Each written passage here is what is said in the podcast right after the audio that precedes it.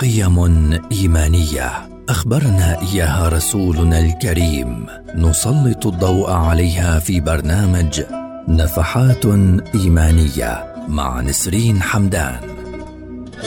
برنامج نفحات إيمانية يأتيكم خلال شهر رمضان المبارك في مثل هذا الموعد عبر أجيال.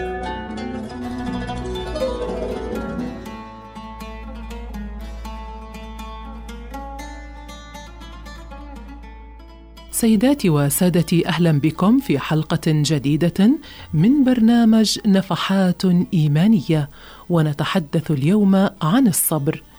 جعل الله هذه الدنيا دار ابتلاء ليزيد المؤمنين ايمانا وثقة بالله والابتلاء سنة الله تعالى سواء كان ابتلاء في الخير أم في الشر. ليكفر الله عن المؤمنين فيه.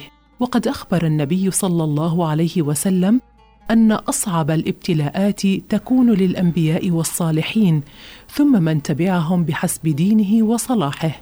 فمتى حل البلاء بمسلم فعليه أن يتذكر أن الإيمان عبئه كبير والصبر أجره عظيم والابتلاء نهايته الزوال.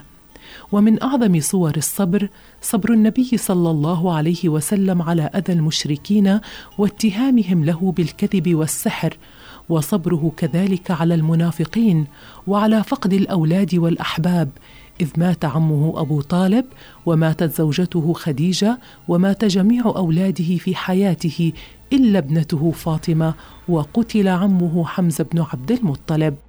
وذكر الله تعالى الصبر في القرآن الكريم في نحو تسعين موضعا وأضاف إليه أكثر الخيرات والدرجات وجعلها ثمرة له.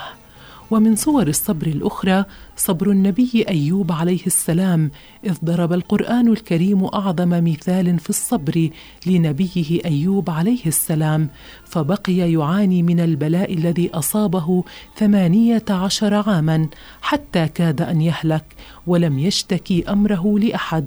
فبعد رغد العيش الذي كان به من أرزاق وبنين وعافية تغير حاله في ليلة وضحاها فمات أولاده وفقد عافيته لما أصابه من مرض وتهالك رزقه وطرده قومه فسكن الصحراء مع زوجته التي كانت تعمل في بيوت الناس فبقي صابرا محتسبا حتى فرج الله همه ورفع عنه البلاء.